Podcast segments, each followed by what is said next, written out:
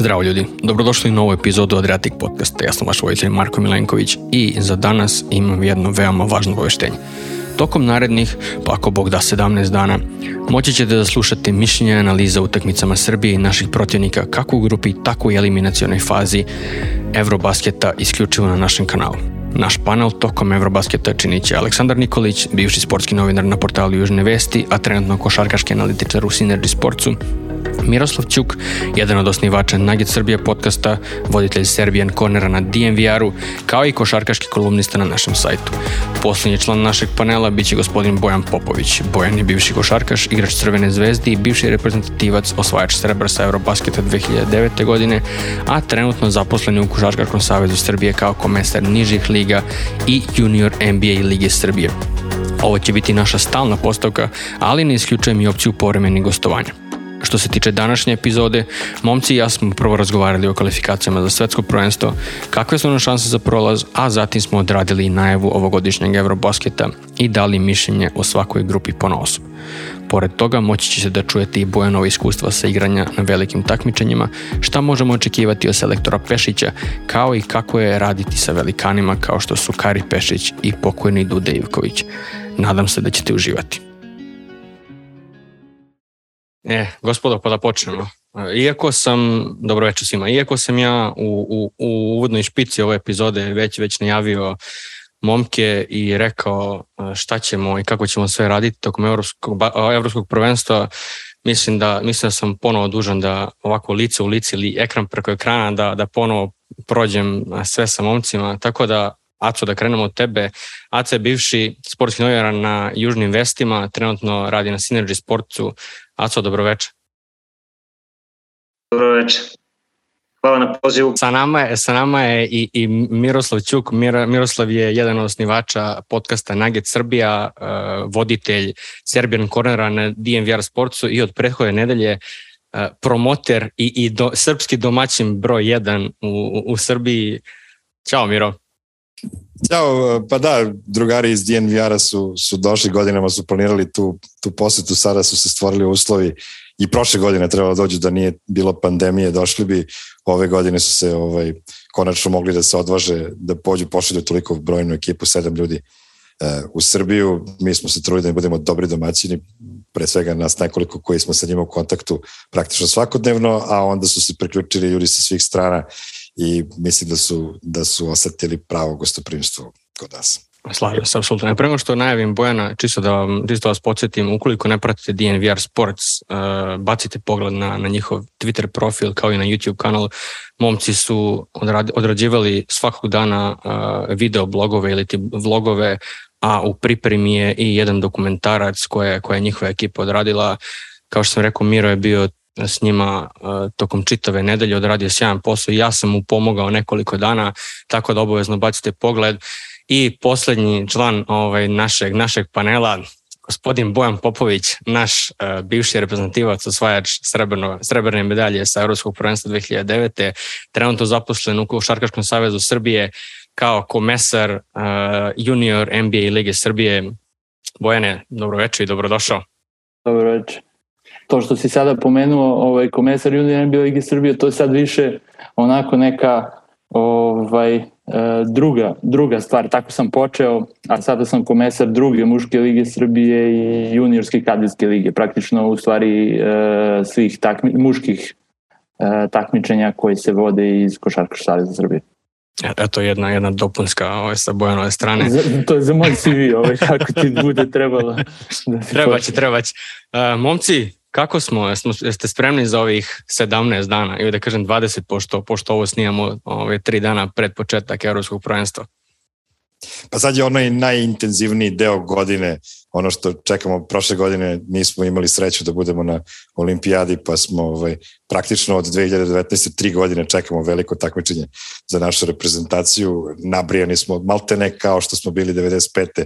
posle one četvorogodišnje pauze, ovaj, iako su naravno okolnosti daleko manje uh, jezive nego što su tada bile, ali ovaj, nestrpljenje je maksimalno, pogotovo što postoji jedna mala opasnost da bi moglo ovo takmičenje da bude i poslednje za, za neki naredni period, ako se, ne daj Bože, desi da naša reprezentacija ne uspe da izbori plasma na svetsko prvenstvo, ali o tom potom. Ja, ovaj, sad, ćemo, sad ćemo pričati o tome.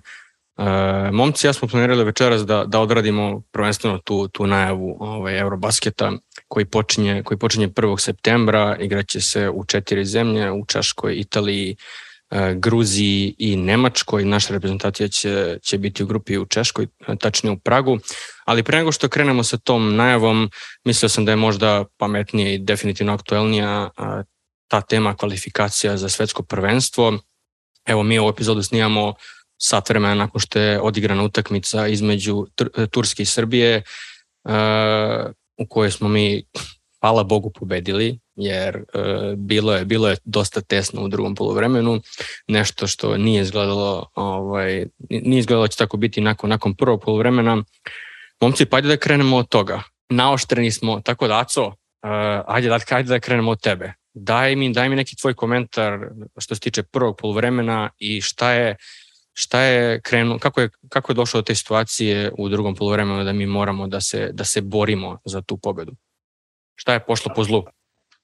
Nakon, nakon prvih 20 minuta ja sam bio u fazonu, gledao sam klipove svog prezimenjaka Miroslava Mute na YouTube-u i već sam ono zamišljao scenu i kako doček ispred Skupštine, gotovo, to je to. Mi za 20 dana uzimamo evropsko zlato, a onda je, e, igrali smo zaista zaista perfektno prvo vreme. Ta unutrašnja igra je funkcionisala perfektno. Nikola Jokić je sprovodio u delo bukvalno sve što je, sve što je zamislio i ona trojka Kalinića na polovremenu je samo bila ono šlag na tortu našeg perfektnog prvog polovremena. E sad, u drugom polovremenu, uz suđenje koje je zaista bilo diskutabilno da ne, da ne upotrebim neku, neku težu reč, kao da smo uh, odustali od uh, svoje igre koja nam je dala tih u jednom trenutku plus 21 u prvom polovremenu. Nije se više igralo na niskom postu, nikada je Jokić bio tih prvih 5 minuta u drugom polovremenu na parketu, niti se kasnije spustalo na Nikolu Milutinova, već smo ušli neku nepotrebnu nervozu. Većinu šuteva, većinu poseda završavali šutem za 3 poena koji nas nije služio i ušli smo u neku jurnjavu sa Turcima, uh, što je njihov uh, glavni adut i oni najviše uživaju, najkomotnije igraju kada se bukvalno igra ta run gun košarka. Uh, uz to uh, arena je ponovo proključala i onda je, uh, su se problemi taložili i očas posla je, je Turska došla do, do izjednačenja. Sad, možda, e, ako bi se ušlo neku dublju analizu, možda su više, malo, e, ova druga postava je možda malo više vremena provela na terenu i možda bilo e, logičnije da se starteri vrate malo ranije na parket, ali je na kraju i ta delimično druga postava, druga petorka da je tako karakterišem pokazala karakter i odbila taj nalet Turske i napravila na kraju ključnu razliku. Miro, a, a, daj mi tvoj komentar o suđenju, šta se tu desilo? Kao što sam rekao, pre nego što smo počeli da snimamo, ja nažalost nisam bio u situaciji da gledam meč, što, zato što nemam sport klub, što zato što nisam uspio da nađem stream, ali sam video na, na, na Twitter line da, da su praktično svi pričali o tome. Nije bilo kao 2010. na svetskom prvenstvu, ali šta se tu izdešavalo? Kako su, zašto su sudije izgubile ovaj, utakmicu? Ja ne volim mnogo da pričam o suđenju, ovaj, bilo je prilično žestoko na obe strane.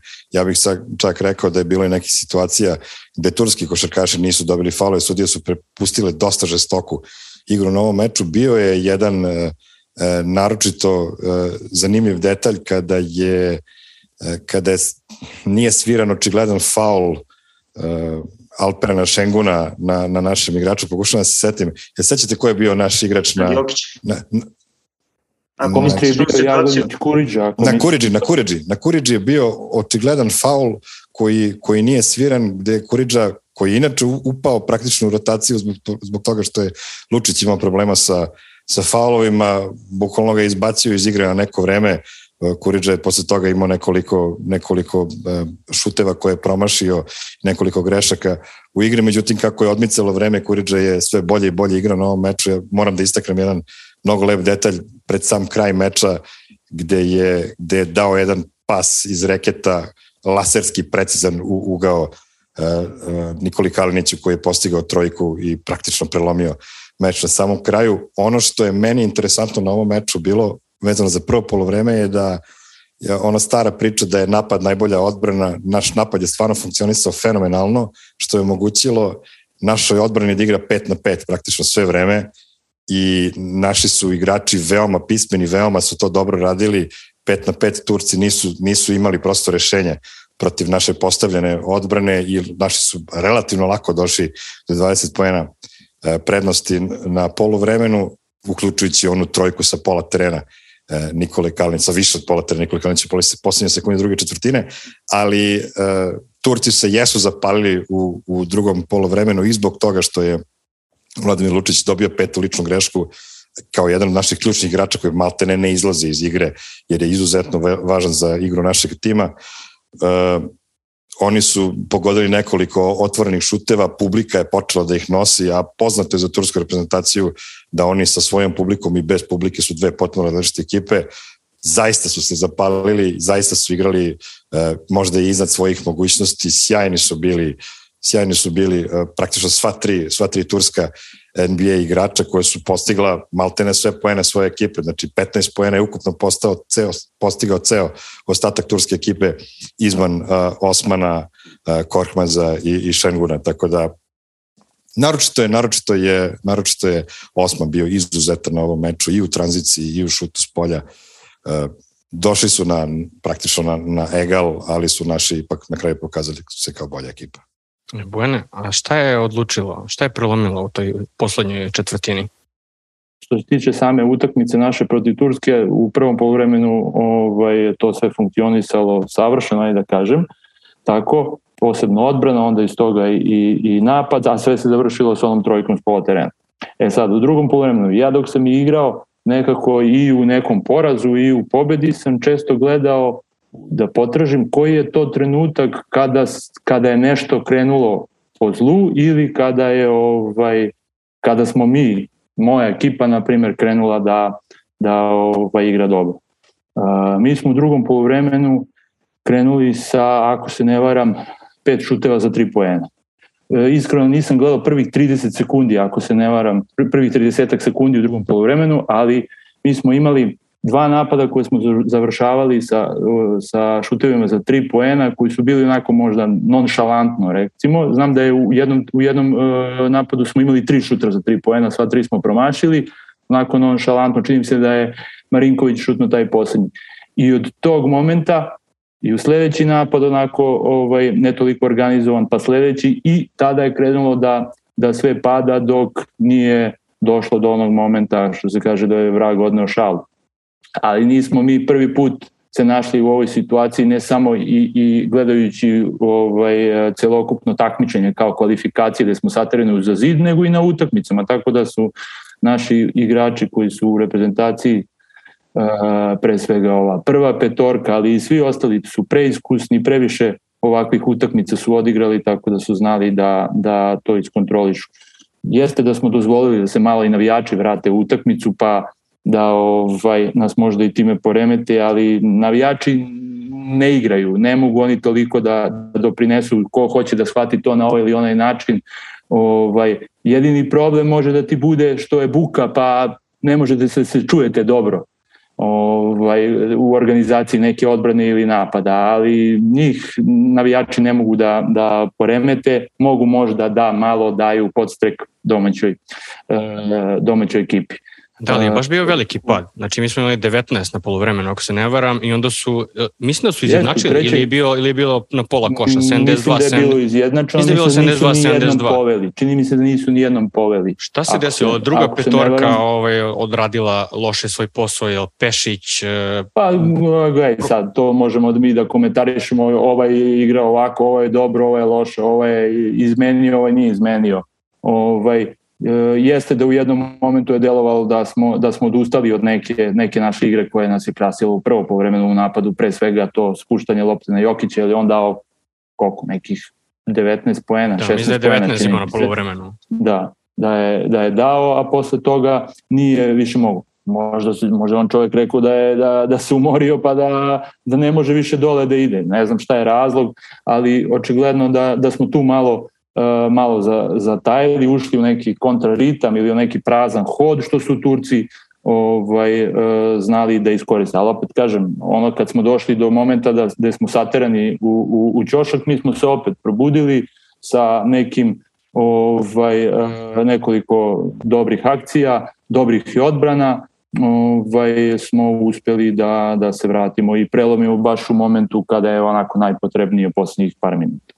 Miro, a ko je tvoj komentar ovaj kada je u pitanju igra druge postove? Jer uh, u utakmici protiv Grčke momci su odradili sjajan posao. Znači ti ja smo bili u areni, gledali smo uživo. Uh, Ognjen Jaramaz je odigrao odlično, Vanja Marinković, Gudurić, svi su imali ovaj, značajnu i zapaženu ulogu. Kako je to izgledalo večeras? A vidi, znaš kako, uh, Jaramaz je bio fenomenalna utakmici protiv Grčke, ali ne treba zaboraviti da je on mnogo minuta proveo sa starterima. Nekada je lakše igrati sa starterima, pa čak i protiv jačeg protivnika, odnosno startera protivničke ekipe, nego kada treba da budeš deo, deo da kažem, te druge postave. Uh, ono što Pogotovo je nama... treba direktno da vodiš lopte, jer Tako je, ono što Nikolu Jokića.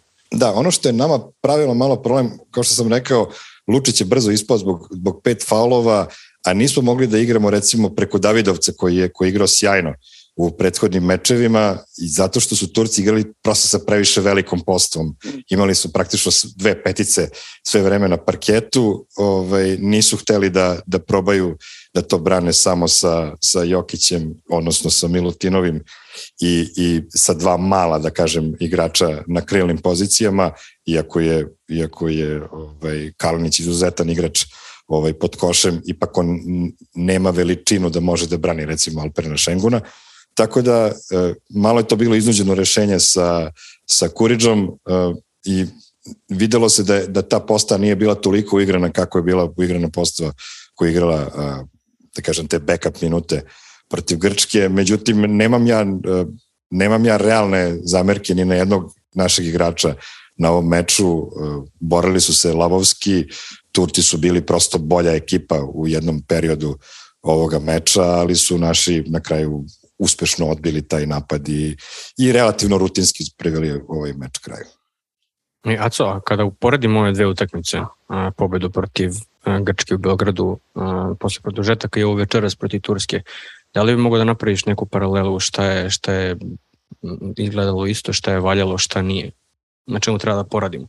Pa generalno, ako bismo krenuli od nekih pozitivnih stvari, to je ta napadačka svestrnost. Znači, jeste Nikola Jokić dominantna figura i igrač oko kojeg, na kojem se bazira najveći broj poseda i napada naše ekipe.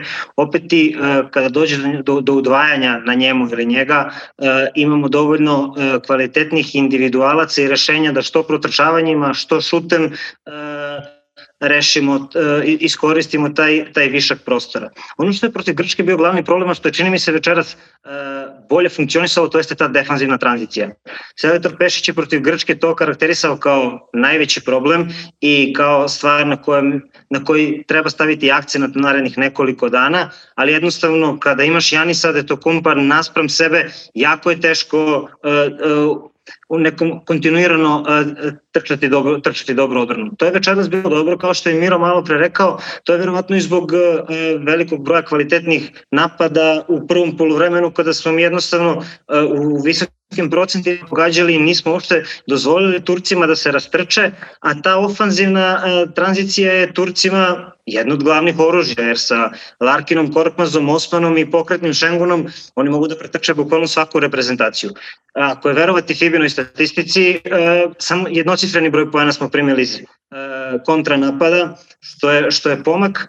Ja bih možda kao e, glavni nedostatak i protiv Grčke i, protiv, i večeras protiv Turske e, izdvojio e, kontrolu defanzivnog skoka.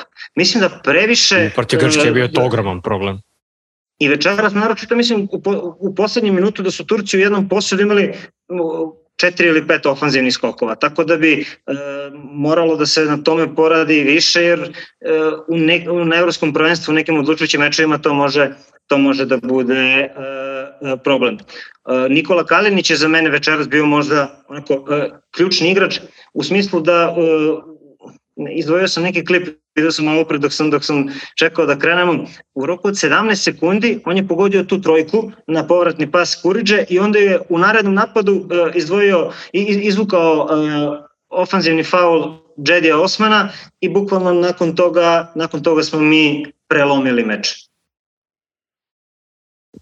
Bojene, a ove, šta ti misliš o ulozi Kuriđa u ovoj reprezentaciji? Da li će ga Pešić uopšte voditi uh, na evropsko prvenstvo? Naš kapitan Nemanja Bjelica nije do sada odigrao ni jednu utakmicu, što prijateljsku, što ove dve u kvalifikacijama.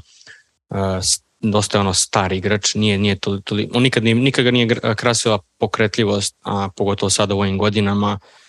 Ako ga povede, Šta misliš koja bi bila Bjelicina uloga? Da li bi možda bila slična ono koji igrao pre, prethodne sezone u Golden State-u, gde bi bio ta neka small ball petica uh, i kako bi to moglo da izgleda? Mislim da, da, da Pešić kao trener i, i mnogi treneri vole igrače kao što su Kuriđa, odnosno da je svakoj ekipi potreban uh, jedan takav igrač. To su uglavnom igrači na toj poziciji uh, ovaj, tri, četiri, ajde kažem, i možda neki playmaker uh, ili back, kec dvojka koji će uh, raditi posao u, u odbrani. Tako da za mene ne bi bilo iznenađenja ako bi ovaj, se on našao u, u 12, bez obzira ili onoga, još jednom kažem, uh, znam igrače koji će mu do onih par minuta čvrstine odbrane da će uraditi uh, to što se njega traži a da li će pogoditi trojku kad ostane sam to je sada kao što je danas je pogodio ako se ne varam dve uh, da je, da je ovaj, mislim da je imao još jedan još jedan uh, poen i da eto da je bio ovaj taj faul očigledan suđen uh, u kontri, eto imao bi nekih 8 poena verovatno, što je više nego dovoljno od od njega, ajde tako da kažem bez ikakvog podcenjivanja. Miro, ako neki ako bi mogao da daš neki sveobuhvatan komentar kada su u pitanju ove dve utakmice, da li si da li si generalno zadovoljan našom igrom? Ja sam prezadovoljan našom igrom u, u ovoj fazi. Mi moramo ovo da još uvek zovemo pripreme, iako su ove dve utakmice užasno važne zbog plasmana na svetsko prvenstvo. Nemoguće je napraviti e, tu situaciju da ekipa bude na, u vrhunskoj formi 25. avgusta i onda ponovo bude na vrhuncu forme za eliminacione, eliminacione borbe u, u Berlinu koje će da, da uslede za nekih desetak dana i 15 dana. Tako da, ovaj, s obzirom na to da, da je ekipa bila na okupu samo tri nedelje pre utakmice pre Grčke, odlično izgleda ta igra, e, iskristalisalo se tih nekih 8-9 igrača kojima e, selektor Pešić e, veruje bezrezervno.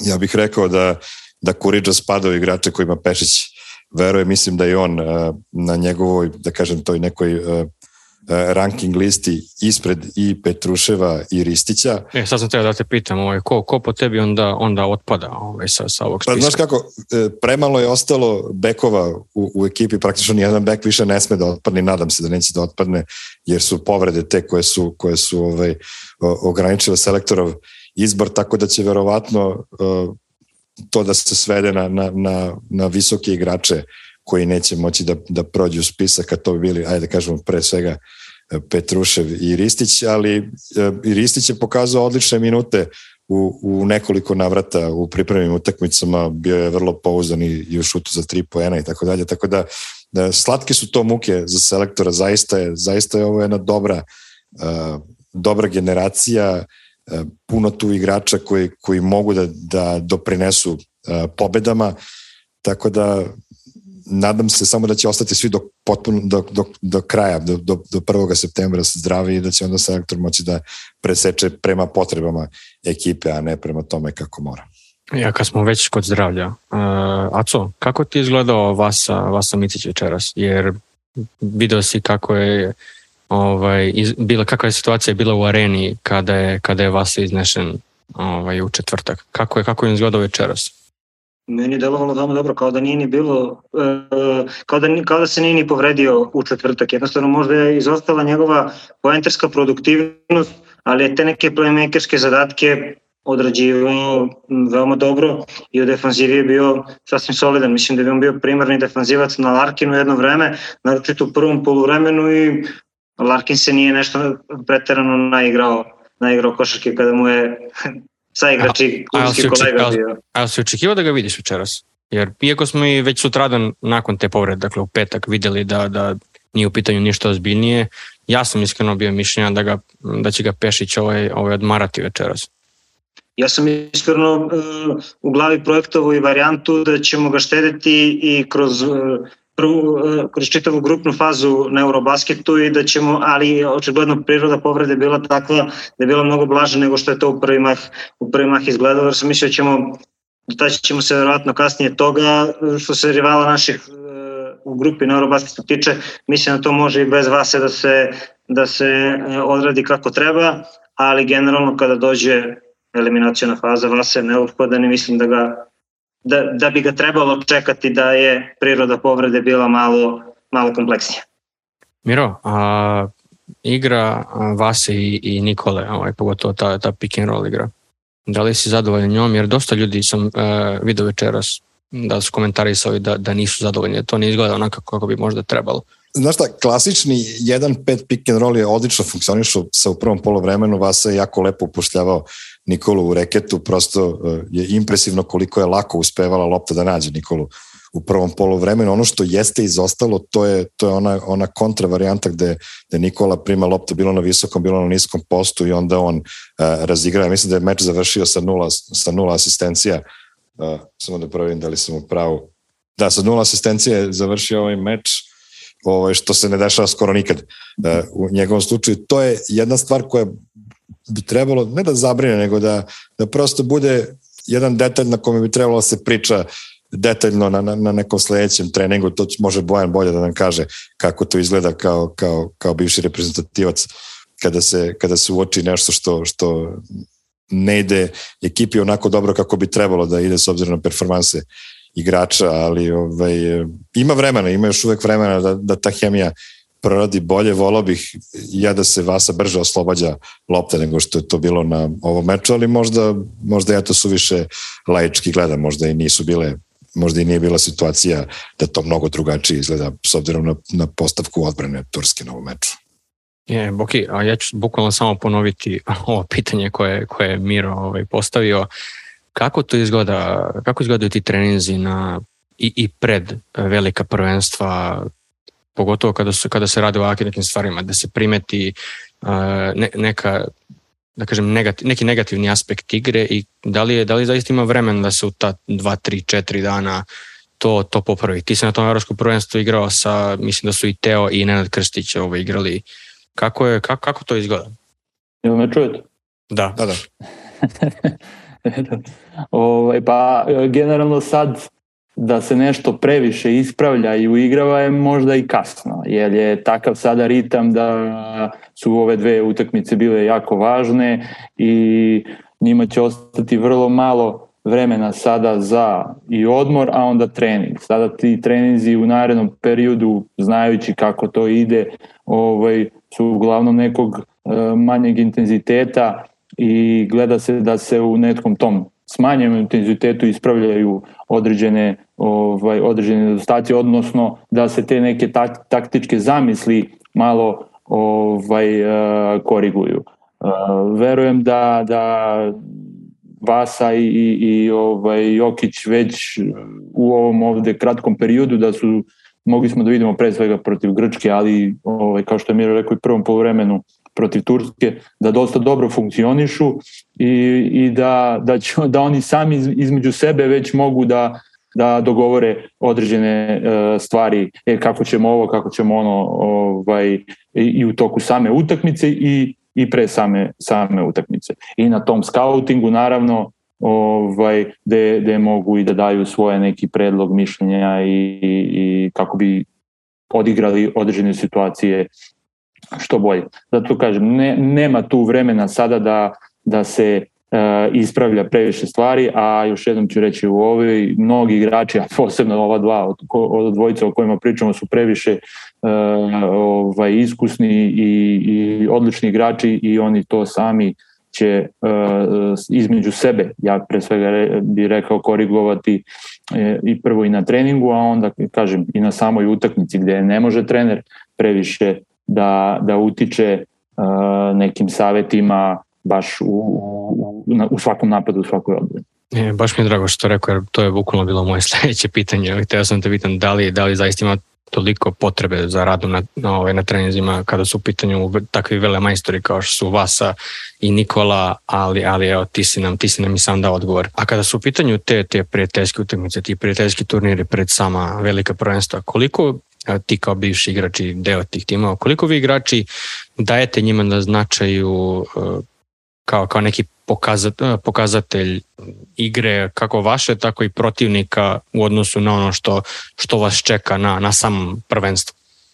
Pa pokušao sam evo, da, da objasnim nešto. Znači, bukvalno se ti turniri i te utakmice gledaju kao jedan, još jedna vrsta treninga, ali u uslovima utakmice. Naravno, trening je jedna utakmice, nešto potpuno uh, drugačije. Uh, često se na, na, na trenizima igraju jedna petorka, druga petorka, da li je to onako ona prava prva petorka protiv druge petorke ili one tri petorke igraju, svi znaju sve akcije, al tako? I onda oni mogu malo da se da se ovaj prilagode tome. Aj tako da kažem, odbrana zna kad ovaj pozove akciju broj 2 šta, šta se očekuje. E sada, bez obzira što sada svi gledaju te snimke i, i pripremaju se, to jest ne svi gledaju sada te snimke, gledaju se odavno, ali je mnogo sada ovaj, lakše bez obzira na to, opet na, utakmica je jedan potpuno drugačiji, nazovimo ga trening, i zato se on, ta utakmica, konkretno Slovenija i ovaj turnir u, u Nemačkoj,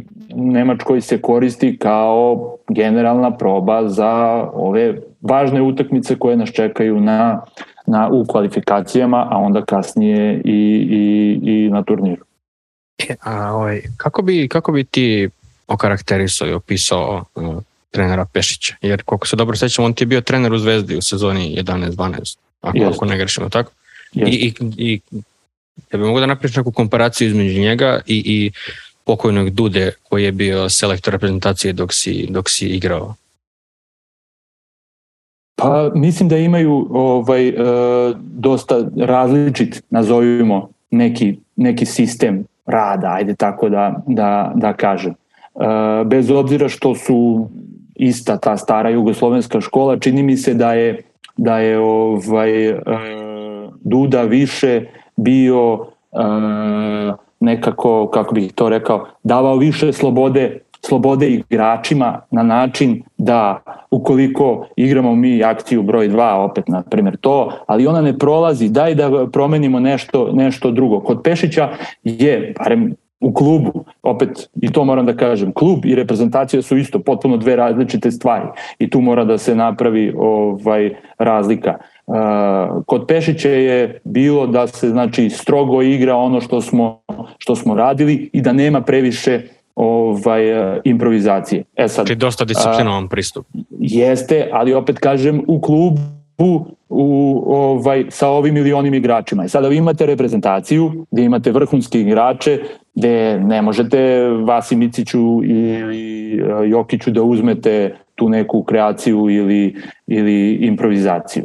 Ili tako da, da ovaj, sigurno da ja sa, sa, sa Tešićem nisam sarađivao u, u reprezentaciji, ali ovaj, verujem da i, da i tu je različit, različit sistem zbog manje vremena za pripremu, zbog različitih igrača. U reprezentaciji naravno, bez obzira što mi znamo ko je, ko je prva petorka, to smo često po, ovaj, pominjali, ali ko je prva petorka, ko je kao druga neka petorka, ovaj, ipak su to, uh, ipak je to reprezentacija, najbolji igrači dok u klubu nije baš, baš, baš tako. Zato je i koncept malo, uh, malo ovaj, drugačije. Ja sam kod Duda Ivković, sa Dudom Ivkovićem sarađivo i u reprezentaciji i u, i u klubu, pa zbog toga uh, mogu da poredim, jer znam da i kod njega tako ovaj, različito, verujem da je, da je i, i kod Pešića. Ipak to su sve naši vrhunski uh, treneri i uh, ne znam šta bih, šta bih još mogao mogao da kažem na tu temu. Ne, ne, razumemo potpunost. Miro, Aco, ovaj, hoćemo se plasirati na ovo svetsko prvenstvo? Miro, izvoli. E, pa, znaš kako situacija je mnogo, mnogo svetlija sada nego pre dva meča. Pre dva meča je tabela izgledala jezivo. Umeđu vremenu mi smo dobili dva meča i Belgija i Turska su, su iz, Turska izgubila dva meča i praktično je pala iza nas, a Belgija je dobila jedan i izgubila drugi meč e, večeras protiv e, Grčke, tako da e, malo se otvorila tabela, još uvek to nije sjajna situacija, još uvek Belgija ima tu prednost zato što su nas dobili dva puta u prvoj fazi. Još uvek moramo da preskočimo Belgiju s jednim mečom i mi i oni imamo po dva meča protiv Velike Britanije. I mislim da će to da na kraju odluči koja bude ekipa uspela da savlada Britance dva puta. uh, odnosno koja neće da izgubi poene u, u mečevima sa njima će imati prednost, mi moramo nakon što dobijemo Britance, nadam se, dva puta, da dobijemo ili Grke ili Turke, bilo bi bolje Turke da dobijemo, pošto su sa, sa nama u direktnoj, da kažem, borbi za to treće mesto. E, mislim da, da će biti dovoljne te tri pobede za plasman u, u, u, na svetsko prvenstvo. Nije da, da moramo da dobijemo sve četiri da bismo prošli. E, opet dosta će zavisiti, ja se nadam i od Dejana Bodrage koji bi trebao da preozme Euroligu u nekom trenutku i da malo izgledite odnos između FIBE i Euroliga, jer ovo zaista sad ne liči ni na šta. Pričao sam ja tome ranije. Mnogo koštaju ovi FIBA prozori ekipe koje su vrhunske, ali su iz zemalja sa malom bazom košarkaša. Ne, ono primjer Hrvatska, Hrvati Hrvatska je, na ima duplo manju bazu od nas i oni, oni su prosto u užasnoj situaciji već godinama zbog toga što kada isključite, pogotovo što su oni e, jako puno puta imali i mnogo NBA igrača, ovaj, čak po mo nekom mišljenju previše NBA igrača su od uvek imali i još plus kada na to nadodamo da nemaju evroligaški igrača, oni bukvalno nemaju sa kime da igraju. Kod nas je situacija za nijansu bolja, ali ne, ali ne sjajna Tako da ovaj, onda ekipe kakva je na Letonija, koja uzgled rečeno neće igrati na ovom evropskom prvenstvu, iako je tu 24 ekipa iz Evrope, hara ovim kvalifikacijama, jer prosto njihovi... E, ali večera su se pomučili. Večeras ih je Britanija Jesu, da, ovaj, nije, da, da, nije, nije bilo lagana, lagano, ali, ali su dobili, imaju pet pobjeda, jedan poraz, mi 3-3, tako da ovaj, oni su, ja mislim, prilično bezbedni na prvoj poziciji u grupi. A co, tvoj komentar? Pa, pretpostavljam da je Miro Permutovo, Belgijanci su u četvrtak dobili e, Britance 15 razlike. E, to sam, to sam da, da, da, da, da.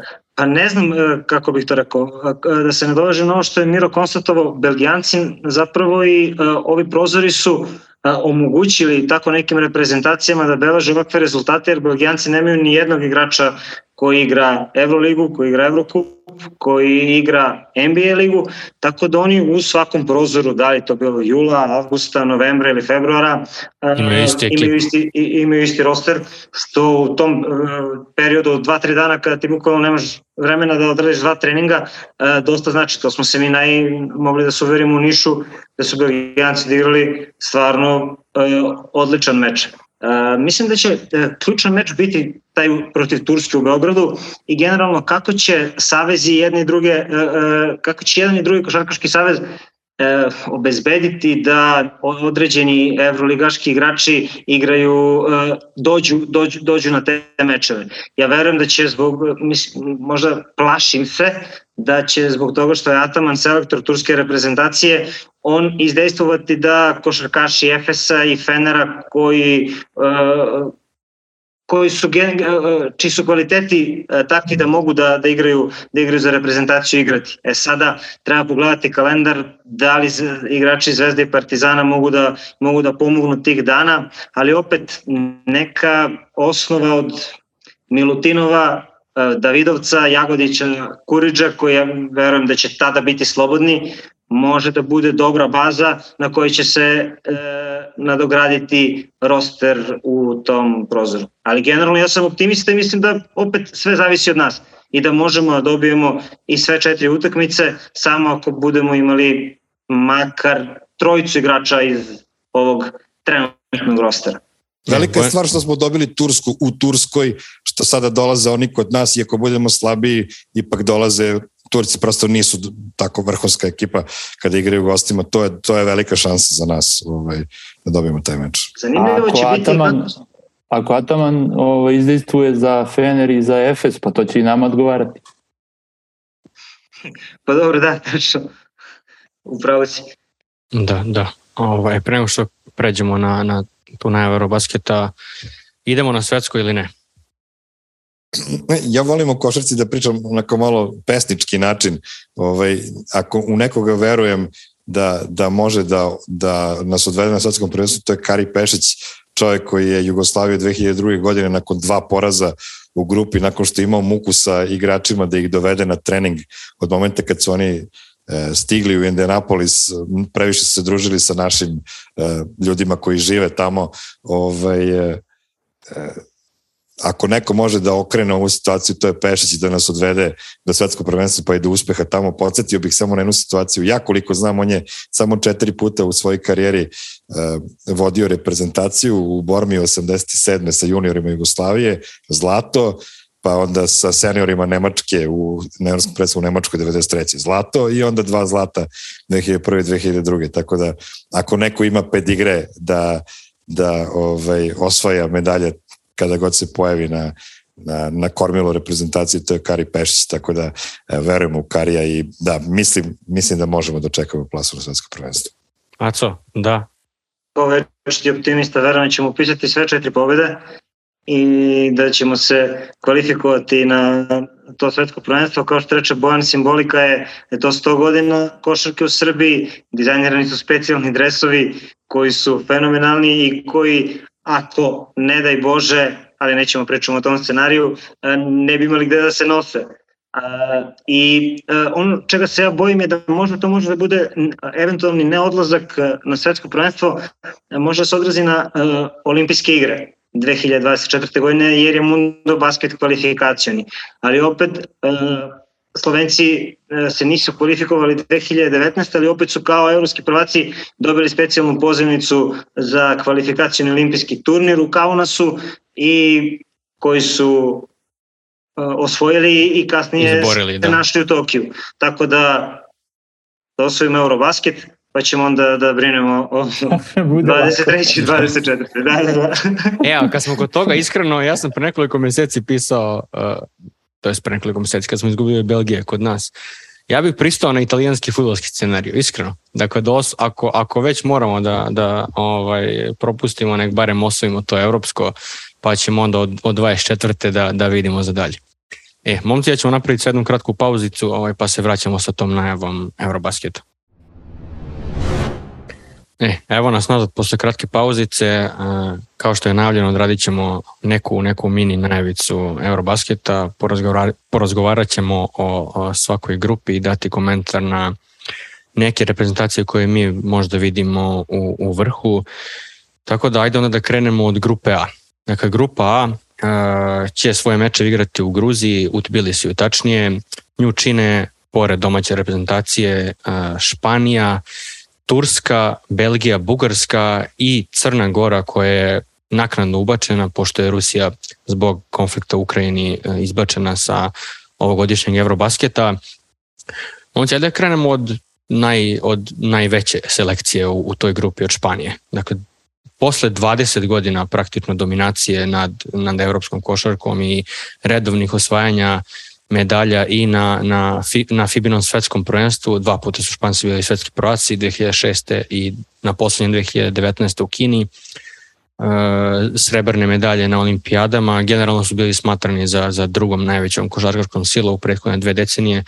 Oni su imali svoju zlatnu generaciju koja je nalik našoj ovaj, sa kraja 80-ih i 90-ih potpuno, potpuno, kao što sam rekao, dominirala ali izgleda da se stvari u španskoj košarci menjaju. Ja sam baš danas čitao na, ovaj, na, u njihovim novinama Marki pogotovo, gde generalno u komentarima navi, navijača i ono, njihovih državljama možete da, da pročitate da se gubi ta nada u špansku košarku, e, nema, nema, nekog, nema nekih novih mladih igrača, Real Madrid i Barcelona se, se više i više oslanjaju na strance, i, i baš se, baš se, baš se ovaj, vodi debata, pitaju se i plaše generalno kako će to izgledati u narednim godinama. Da li će biti neko, neko mračno doba kao što je bilo pre, pre tih 2000-ih. Šta, Aco, Aco, šta ti konkretno misliš o Špancima i da li mogu nešto da urade o, na ovom evropskom prvenstvu? Jer ja mislim da će oni biti uh, najveće razočarenje. Generalno su uh, ponovo, ne dire atmosfera, kao i pred Mundo Basket 2019. godine, niko Špance nije ni tada srstavao u grupu naj, najožih favorita. Nije bilo tada u glavi ok, Marga Sol koji bi bio Jere i od Rubija i realno niko nije da će, bit, da, da će se izroditi kao Ne, ne, nije, slažem se, ali imali su mnogo jači tim. Marga Sol je tom trenutku te godine osvojio ovaj NBA prsten sa Torontom gde je bio dosta, dosta bitan član. Ricky Rubi je bio tu, Sergio Ljulj koji zbog povrede propušta evropsko prvenstvo. Neki stariji igrači su tada bili tri godine mlađi, konkretno Rudi Fernandez. Uh, u ovom trenutku zaista Uh, evo, njihova petorka bi trebala da izgleda ovako. Lorenzo Brown, Rudi Fernandez koji, kao što sam rekao, ima sada 37 godina, braća Hernan Gomez, uh, ono, to je to. Znači, braća Aaron Gomez su, su ono, rotacioni igrači ili čak, Willi Aaron Gomez čak, čak baš i slabo igra u, u svojim NBA timovima, ne timu, jer je dosta njih menjao prethodnih godina.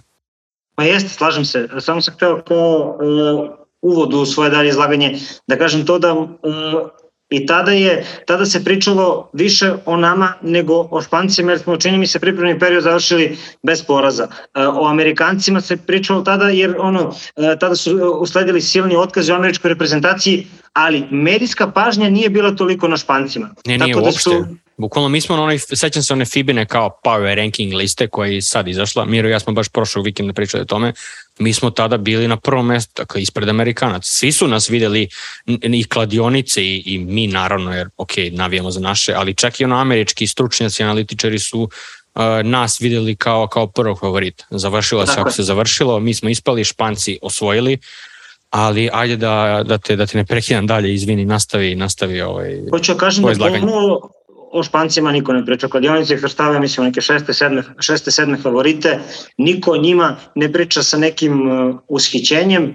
Slažem se da im je roster uh, možda slabijeg kvaliteta nego na ranim takmičenjima, što je prirodno kada dođe do smene, do smene generacija. I slažem se da Vili Hernangomez koji u pripremnim utakmicama prva napadačka figura uh, Španije nije neko ko bi trebalo da bude lider reprezentacije koja napada medalju, ali meni je to glavni adut uh, Sergio Scariolo. Znači čovek koji se etablirao kao uh, stručnjak koji zna kako da igra prvenstva, uh, koji zna kako da izvuče maksimum iz ekipe kada dođe eliminacijona faza. Ne bi me čudilo da Španci možda izgube jednu utakmicu u grupnoj fazi, iako su i u ovakvom sastavu za mene apsolutni favoriti i jači, i jači od Turske. Tako da Od Španaca se treba pribojavati tek kada dođe eliminacijona faza. Mislim da će njihov adut biti odbrana jer opet imaju igrače koji su dobri defanzivci, timska odbrana im je veoma dobra, a imaju takvu, takvu grupu i takve protivnike da mogu da postepeno iz utakmice u utakmicu podignu radnu temperaturu na optimalnu kada, kada dođu najvažniji mečevi na turniru. Slažem se, ja mislim da je Sergio, Sergio Scariolo njihova ovaj, najjača karika i najveći adut. A Miro, šta ti misliš, kako će, kako će biti uloga Usmana Garube u ovom timu Španije? Jer on verovatno njihov i, i najbolji defanzivac u ovom trenutku, pored toga što je dosta mlad i energičan. Iskreno nisam gledao ni jednu njihovu utakmicu sada u, u, u ovih poslednjih par nedelja. Ne znam kako ga, kako ga Scariolo koristi i koliko mu je značajan značajan za igru. Či istina je da, da, da im je ekipa na papiru dosta slabija nego ranije. Ja sam nešto pre nekih 3-4 nedelje radio neki prvi presek španske reprezentacije gde se još uvek očekivalo da bi Sergio Ljulj mogao da igra za reprezentaciju. To je bila mnogo drugačija slika nego ovo sada. Bez Ljulja je stvarno ovaj, ekipa značajno ostavljena. Ne znam koliko mogu da se oslone na braću Hernan Gomez kao, kao da kažem, dve udarne, udarne pesnice u, u, u startnoj postavi. Lorenzo Brown je interesantno rešenje, uh, Amerikanac u njihovoj ekipi. Ove, ovaj, ja prosto ne mogu da ih otpišem. Ne, ne mogu, suviše, suviše sam se puta opekao sa mišlju ovo je ta godina kada oni padaju. A mora ovaj, nekad, ajde, mora nekad. Ajde, ajde da prvo padnu pa ćemo onda da, da krenemo da ih, da ih zovemo bivšim šampionima. Tako da dokle god je tako, ipak su oni zvanični svetski prvaci i treba im dati poštovanje. Sla, slažem se. Boki, dakle, pored Španije, Turska je tu naj, najveći vori u toj grupi i svi ljudi ih vide, svi ljudi vide te dve reprezentacije da prolaze dalje. Uh, ko, koje, koje preostale dve reprezentacije ti vidiš uh, da, da će iz ove grupe otići u nokaut fazu? Pa, ajde prvo i ja da kažem, slažem se sa, sa izlaganjem vezano za Španiju i ja ih nikad ne bi otpisivao jer, jer ovaj, verujem da i nekih ranijih godina kada mi nismo imali rezultate da su drugi razmišljali na taj način o, o, o nama, da su bez obzira što nismo imali neku reprezentaciju da su morali da povedu računa o, o, o nama, a kada to nisu uradili onda su se verovatno opet zato ja bi u toj grupi bez obzira na sve stavio Špance kao, kao favorite, Turke možda na drugo mesto, ali ovaj, bez obzira na, na, na povredu ovoga Ljulja. Ne, A, mislim, za Tursku. Iz Gruzije. Ne, ne, iz Gruzije. A, iz Gruzije, ovaj, uh, Šengejle. Da, da. Ipak kada na domaćem terenu je to nešto drugačije, tako da verujem da, da ako ne, ne budu mogli da se kvalifikuju, verujem da će nekom drugom pomrsiti pomrsiti račune. Belgijanci verujem da zbog ovih dobrih igara u ovim uh, ovaj, kvalifikacijama može to da im bude neki, neki uh, podstrek da, da i oni uh, ovaj, se umešaju među četiri, možda da se, se bore sa Crnogorcima, jer isto ne znam ko će tu igrati za, za Crnogorce, ako se ne varim Ivanović pričaju da je nešto povređen, da li će moći, neće, ne da, znam. Vuče, Vučević je već ovaj, otpao. Ovaj. Da, ovaj, ali ok, tu onda u Crnoj Gori dobijaju priliku neki, neki drugi igrači iz, iz, iz ovaj, domaćih klubova, tako da ovaj, eto, Španija, Turska možda, Gruzija, Belgija, Crna Gora da, da, da, da probaju da se bore za da ta dva mesta. Niko, niko ne vidi, eto, Bugarska, niko ne vidi Bugarsku kao potencijalno iznenađenje. Bugarska, ja ne znam, ne znam ko, ko igra trenutno sad tamo. Pa samo Saša Vezenko, on je jedin igrač koga ja poznajem, iskreno. Da li će on moći da, da, da ovaj, nazovimo to sam, na, nije on karibar Dirka Novickog ili, ili ovaj neko, ali i takav igrač može da ti napravi problem pa da ti ovaj, poremeti neke, neke planove, mada ja ne verujem, ne verujem da, može, da, da oni mogu među četiri. Miro, a, a kada je u pitanju Turska, a, i pored toga što smo i mi večeras igrali s njima i, i zato što su ovaj, kao druga najbolja reprezentacija u ovoj grupi, koji je njihov domet po tebi? Dokle, a, gde ih ti vidiš? Jer grupu će proći 100%, e onda dolazimo do one eliminacijone faze i ukrštanja grupa, grupa A, oni, oni se ukrštaju sa grupom B koja je ubedljivo ovaj, najteža, za koju minut ćemo pričati o njoj. Ali ja konkretno, baš me zanima šta ti misliš o Turcima, da li mogu da ostvare neki uspeh? Ja mislim da ne mogu. Ja mislim ovo je najslabija grupa na prvenstvu, možemo da kažemo i da naša grupa nije baš najsjajnija. Ja mislim iskreno da je naša najslabija. Kvalitetom. Pa tu su, tu su negde kolju se. Bila bi ova grupa A jača da je Rusija, je Rusija tu, da, a, ne, a ne Crna Gora, ali pošto je Crna Gora tu upala, mislim da je grupa potpuno otvorena, da izuzev uh, prvog mesta Španije za koje verujem da će da se desi. Mislim da svih ostalih pet ekipa ovaj, mogu da, da, da se nadaju plasmanu u osminu finala. Mislim znači, da Turcima... izvinite, prekidam, za, za tebe bi bilo iznenađenje ukoliko Turska završi ovaj na, na prvoj poziciji umesto Španije? Pa hajde, ne bi, bilo, ne bi bila senzacija, ali mislim da će Španija ipak da, da završi ispred njih. Ne verujem Turskoj uopšte i u, u istom tonu mislim da Turska nema šanse da prođe u sminu finala na koju god ekipu da najđe u, u, u osmini finala iz grupe B. A co?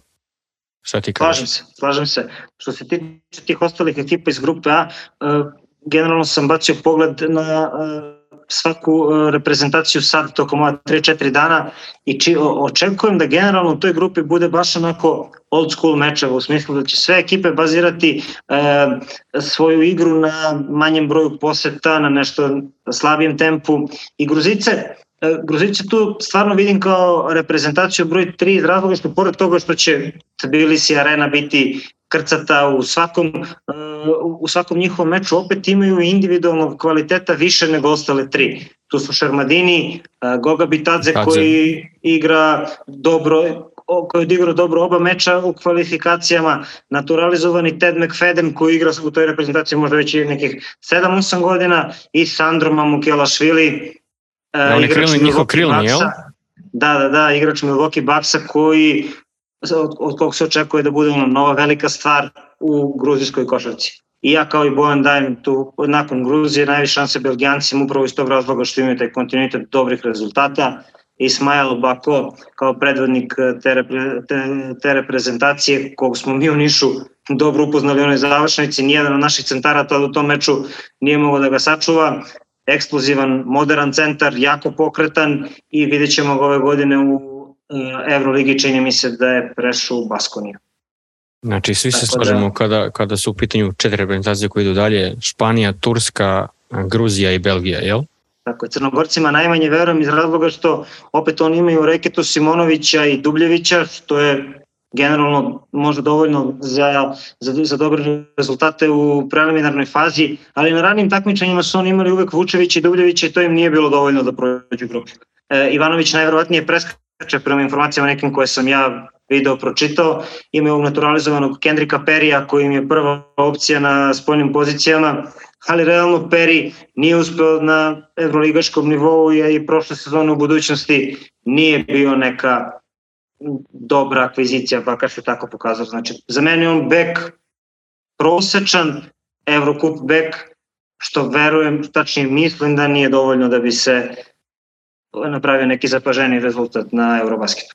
Da, ovaj, dobro, to je bilo što tiče grupe A. Prelazimo na grupu B, koja će se igrati, ovaj, mečevi će se igrati u Kelnu, dakle Nemačka će biti domaćin i ubedljivo naj, eh, najjača grupa ovog prvenstva, tri od šest najvećih favorita se nalaze u ovoj grupi, dakle Slovenija kao najveći favorit, Francuska na drugom mestu, Litvenija na, bro, e, na poziciji broj 5, a pored toga je, kao što sam rekao, domaćin Nemačka koja će biti dosta koja može da, da, da napravi dosta problema ovim reprezentacijama. Videli smo danas, dakle, e, Nemačka je savladala Sloveniju, mislim da je bilo 90-71, ovaj, ako ne grešim, ali eto skoro 20 pojena razlike pored, pored te četiri, četiri reprezentacije u grupi su i Bosna, koja će posle dužeg vremena imati Jusufa Nurkića kao i mlađenog Musu koje je ovog leta potpisao za Real Madrid, a tu je i Mađarska predvođena Adamom Hangom. Šta očekujemo od ove grupe? Da li, da li će Slovenci zaista ovaj, biti, biti prvi, kao što stručnjaci kladionice predviđaju, ko tu može da iznenadi, da li Bosna može da, da iznenadi Nemačku, da li, da li može doći od nekog razočarenja, na primjer Francuska, šta, Bojane, šta ti misliš? A, za ovu grupu teško je bilo šta prognozirati, ja bih tako rekao. Mislim, na, na prvi pogled jeste to deluje Slovenija, Francuska, Francuska, Slovenija, Litvanija ili recimo te tri. Ja. Ali opet imam Nemačku koja je dosta dobra i igra na domaćem terenu imamo Bosnu koja je ova pobeda protiv Francuske može sada da da nešto to što, aha, sad da se i oni pokažu, aha, možemo da igramo protiv tih velikih, možemo da ih pobedimo. Drugo, sad Francuzi kada budu igrali protiv njih će želeti da im se revanširaju za, za ovaj poraz.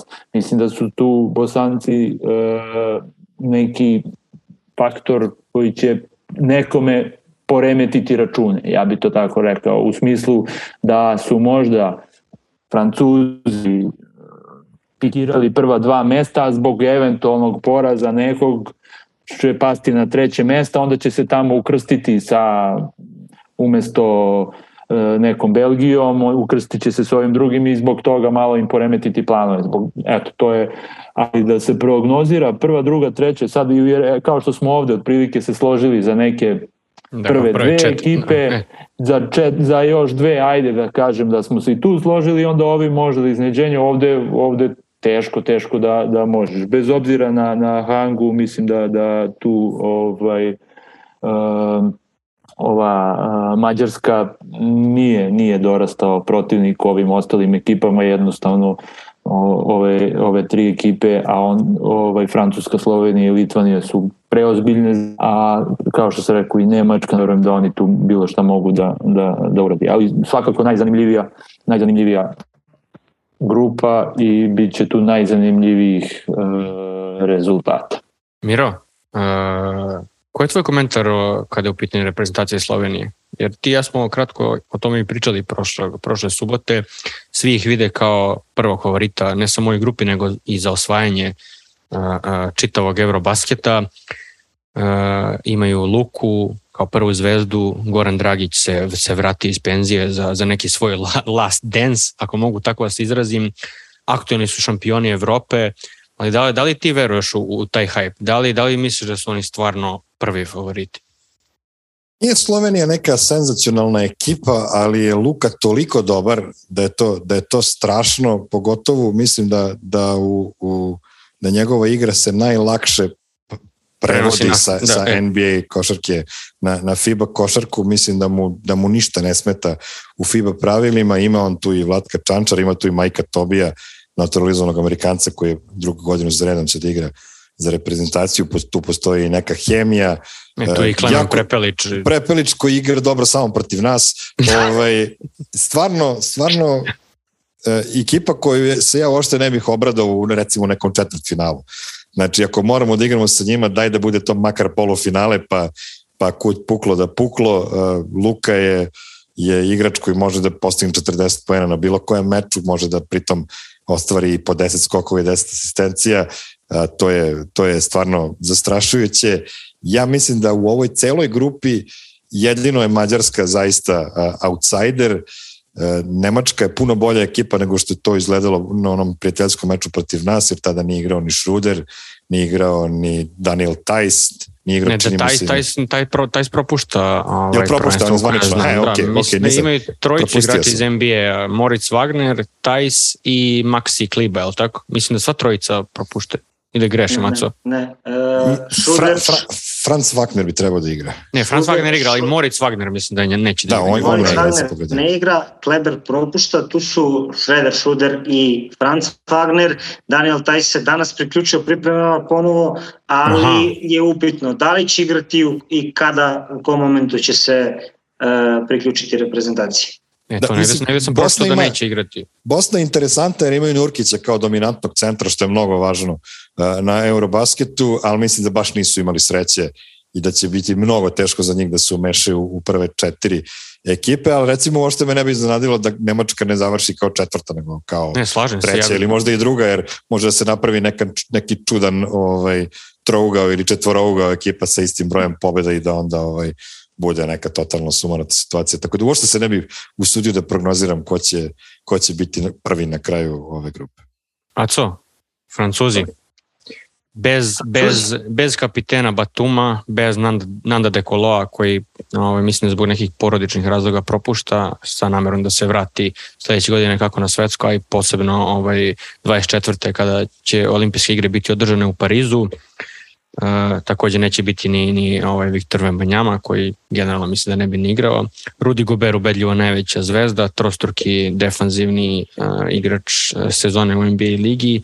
Vincent Collet, čovjek koji je selektor od 2009. Dakle, kontinuitet kako u, ono, u igračkom kadru, tako i nekom taktičkom postoji i dosta je jak.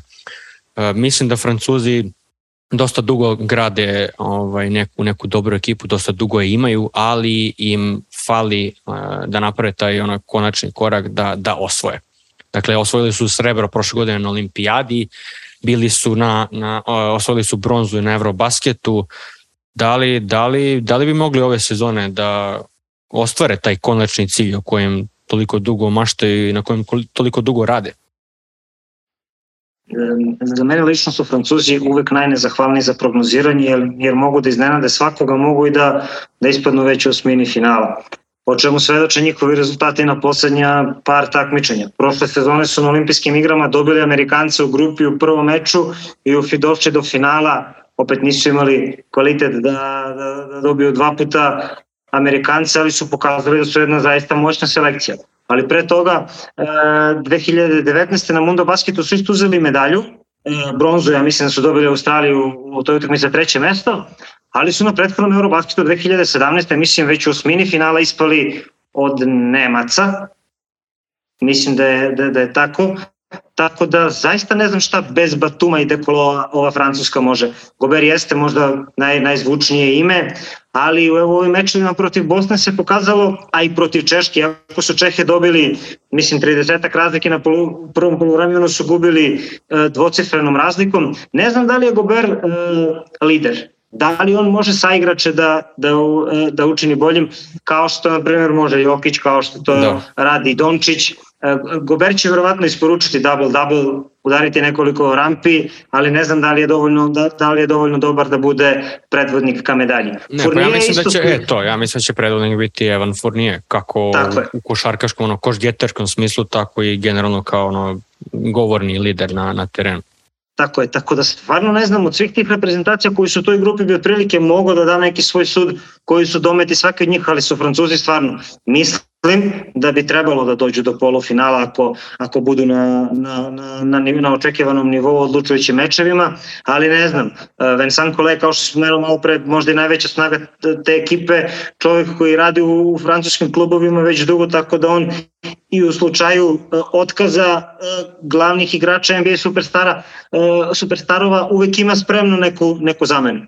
Tako da ne znam, Francuzi zaista imaju jaku bazu i veliku bazu igrača, tako da opet ne, sme, ne smeju se tako lako otpisivati. Što se Slovenaca tiče, ja Slovence ne znam, možda i najviše volim da gledam, jer ako je košarka, ako košarku uzmemo kao igru, oni se najlepše igraju te igre kada su, uh, kada su raspoloženi. Ali danas u ovom meču ja sam po prvi put video neku nervozu kod Slovenaca opet i suđenje i na tom meču isto bilo loše, ništa mi je polazilo za rukom, ali kao da su se malo uh, kako bih to rekao, previše se oslanjaju na napad, u defanzivi se ne troše kao što je to bilo na ranijim takmičenjima i e, interesuje me kako će se nositi sa tim neko, sa tom nekom ulogom favorita prvi put. Na tom Eurobasketu koji su osvojili 2017. oni nisu bili, ja mislim, u top 12-13 favorita za, za zlato. Na olimpijskim igrama takođe svi su ono, Dončić, Dončić, Slovenci igraju lepo, ali niko nije uh, uzimao za toliko ozbiljno da mogu da dođu do polufinala. E sad je ono, Dragić više nije Dragić koji je bio 2017. Dragić je bio lider, sada je Dragić Robin, kao što on sam kaže za sebe, Dončić je Batman, vidjet ćemo, imaju sav potencijal da, da dođu do medalja, verujem da će uzeti jednu od tri medalje, ali opet vidjet ćemo kako će se snaći s ulogom favorita. Za Nemce bih još dodao, žao mi je što te nek, nek, trojica, četvorica visokih igrača nisu uh, u ekipi poput Klebera, Hartensteina i ovog Morica Wagnera, jer zaista mi danas ono što sam vidio deluje da mogu da, što je Miro rekao, da ne bi me iznenadilo da budu drugi, pa možda i prvi. Grupa je takva da svako, svako svakog može da, može da dobije. Šuder i Franz Wagner su zaista, ono deluje mi da, su, da, se, da se dobro kapiraju, da li će to biti dovoljno mislim da će oni biti ekipa za izbegavanje u osmini finala. Jer igra su u Berlinu pred domaćom publikom, oni mogu da eliminišu svakoga, bukvalno svakoga ko imaju dana. Boki, a Litvanija? Šta ćemo s njima? Pa, već sam rekao, znači te tri ekipe, Slovenija, Litvanija i Francuska, to će po meni biti onako tu izjednačeno. E, imali su i oni nekih ovaj, svojih razočarenja, ali imali su i oni proteklih godina negde gde su možda odigrali više nego što je bilo ko ovaj, očekivao. Kažem, te tri uh, reprezentacije u ovoj grupi verujem da će voditi glavnu reč.